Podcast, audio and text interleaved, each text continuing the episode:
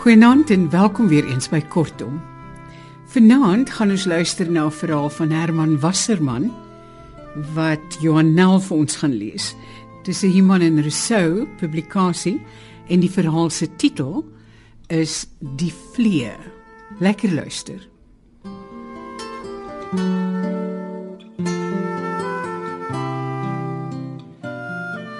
Toe sy kinders klein was, het hulle altyd die slapies getel voor groot dae. Soos hulle verjaardag of vakansie of Kersfees.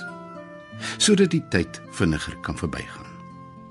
Nou is hy bang om die dae te tel vir ingevalle dalk sou agterkom hoeveel daar oor is voor die groot gaan lê. Tog dink hy terwyl hy in die kombuis sit en kou aan die roosterbrood en eiers wat hy vanmiddagete gemaak het. Die versoeking is groot om die ure te tel voor vanaand. Om die waarheid te sê, hy het 'n paar weke gelede al begin tel, eintlik in sy agterkop en op die kalender. Hoeveel dae oor om geskenke vir die kinders en kleinkinders te koop? Wanneer hy moet bank toe gaan om te reël vir 'n voorskot op sy pensioen om daarom vir elkeen iets ordentliks te kan koop? Wanneer om sy hare te laat kap? Hy het nie die uitnodiging verwag nie. Hy het eintlik maar gereed gemaak om hierdie Kersfees weer net 'n telefoonoproep van hulle te kry. 'n Kerskaartjie en 'n cheque in die pos om iets moois te koop en aan ons te dink. En jammer ons kan nie daar wees nie, maar pa moet maar verstaan dis so groot belawe om al die kinders soheen toe te vat en die bagasie en alles en ons het klaar plek in die strandhuis bespreek. Maar toe brandewyn op 'n nugter maag die oproep een aand net voor nuustyd op die radio. Hallo paas aan, so gaan dit? Jammer om te pla, hoop nie pa het geslaap nie. Sy en Hannes het gedink, hoekom kom hulle hom nie vir Kersfees nie, dan kan hy sommer 'n week of so by hulle kuier in Franskraal. Hy het eers nie mooi verstaan nie, dog sy bedoel hulle gaan hom kom haal en in die ouer huis sit waarmee hulle al so lank aai. Maar sy het weer gevra, selfs mooi gevra. En hy het die opgewondenheid voel opkruip uit sy maag uit. Al het hy nie die vaagste benul gehad wat nou ewe skielik in lig gevaar het nie. Ja, dit sal lekker wees, is jy seker. Die vliee is lastig in die warm kombuis. Hulle sit in klossies om die ligskerm teen die dak. Spat nou en dan uitmekaar en vergader op die vetterige braaipan op die stoof. Een of twee kom sit op sy gesig, kielie op sy snor, val dan lui lui terug in die lug as hy sy mes neersit en hulle met sy een hand probeer verwaai. Wonder wat Ansel nou juis vir jaar besiel het. Kry hom jammer. Tog net nie jammer kry nie. Eerder vergeet, eerder ignoreer. Hy soek nie jammer nie. Hm. Seker bang hy gaan dood en dan gaan hulle skuldig moet voel. Hy waai die gedagte saam met nog twee vliee van die stukkies eier uit sy bord weg. Voetsek, nuttelose skepsels. Die eier het koud en jellerig geword. Dit proe rubberig. Na ete gaan lê vir 'n middagslaapie. Maar dit is te warm om te slaap en sy kop is te vol. Hy gaan weer die goed in sy tas na. Het hy alles? Hoed vir die strandson, lekkers vir die kinders geskenke, genoeg klere. Hy stap heen en weer in die huis, vat hier en vat daar, maar kan nie ontspan nie. Dis 5 uur. Hulle kom 8 uur het ons gesê.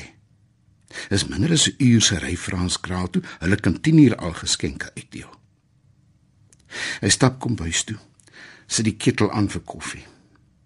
Neer om iets te kry vir sy hande as dit lus.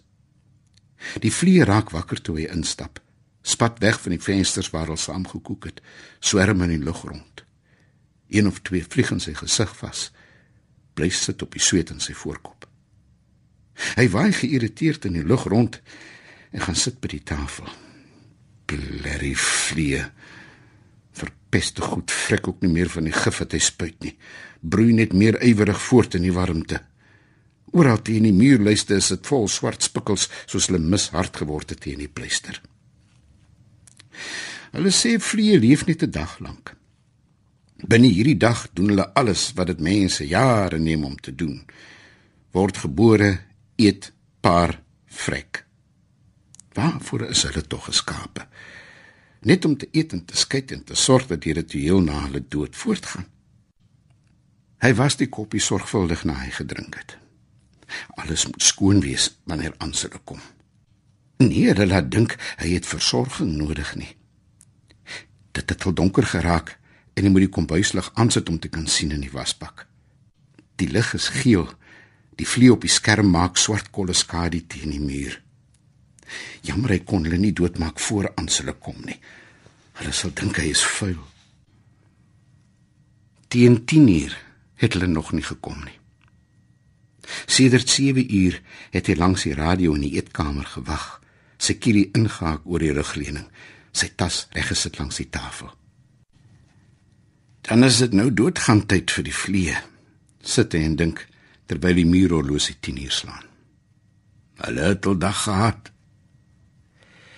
Dis donker en in die kombuis, teen die mure en op die asblik, op die krieseltjies kos in die vloer se skreefies, in die stowwerige wegsteekhoekies bo op die kaste, sterf die gebroedsel. Sê hulle totsiens aan hulle blyplek vir die dag so hulle ook ouderdom kan proe lemerig en sout in die mond so hulle die vaal word van die son teen die middag herken wanneer die aand nader kruip vannag terwyl almal slaap sal die ander gebore word môre sal hy nie die verskil sien as hy in die kombuis instap nie op die lampskerm teen die vensters sal die swart paksel sit net soos gister in die dag van tevore. Maar vir hom sal dit nog maar steeds vliee wees.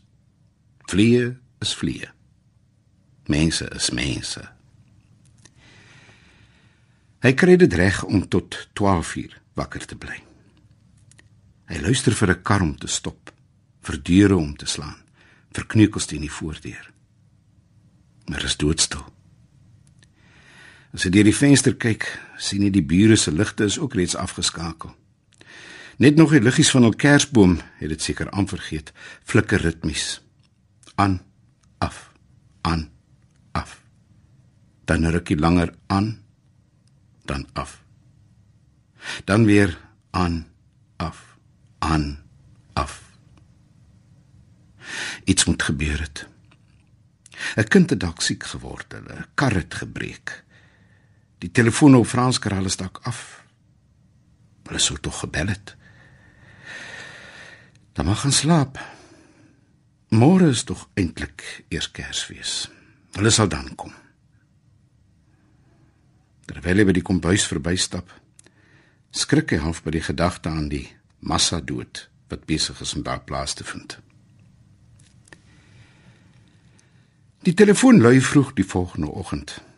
Maar hy is reeds wakker, al van 5 uur af gelê en rondrol. Môre môre, gesiene Kersfees. Ons se stem klink asof daar absoluut niks kort nie.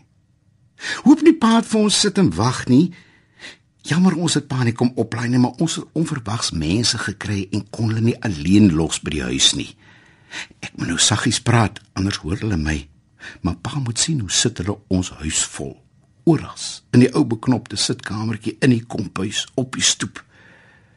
Ons moet maar volgende jaar 'n plan maak, chirp sy. Hy probeer sy teleurstelling wegsteek. Nie jammer nie. Nadat hy totsiens gesê het, gaan hy kom buis toe om iets in die yskas te soek vir middagete. Teen die mure op die lampskerm, teen die vensters sit die swart spikkels. Hy probeer op die grond kyk of hy gister se vliee kan sien dood lê. Maar sien niks nie. Twee of drie vlieg reguit op hom af. Skaars 'n paar uur oud dink hy en hulle weet al klaar, hulle moet aan die beweeg bly want hulle het nie lank oor nie. Een kom kriewel in sy nek, kielie met sy potjies in die gladde sweet van sy nekvelle. Soek. Soek vliegie. Soek maar. dink hy. Ek gaan hom met rus laat. Hy glimlag effens by die gedagte dat die vliegie op Kersdag gebore is. Nog twee kom sit op sy bord. Hy verbeel hom hulle kyk op na hom terwyl hy kou. Honderde saamgestelde oogvenstertjies gerig op sy bewegende kakebeen. Asof hulle wag vir goedkeuring. Die man sluk. En kyk stip na die vlieg wat besig is om met sy pootjies tussen die stukkies kos rond te krap. Dag, vliegie. Dag, omaat. Kom dit sag uit sy mond.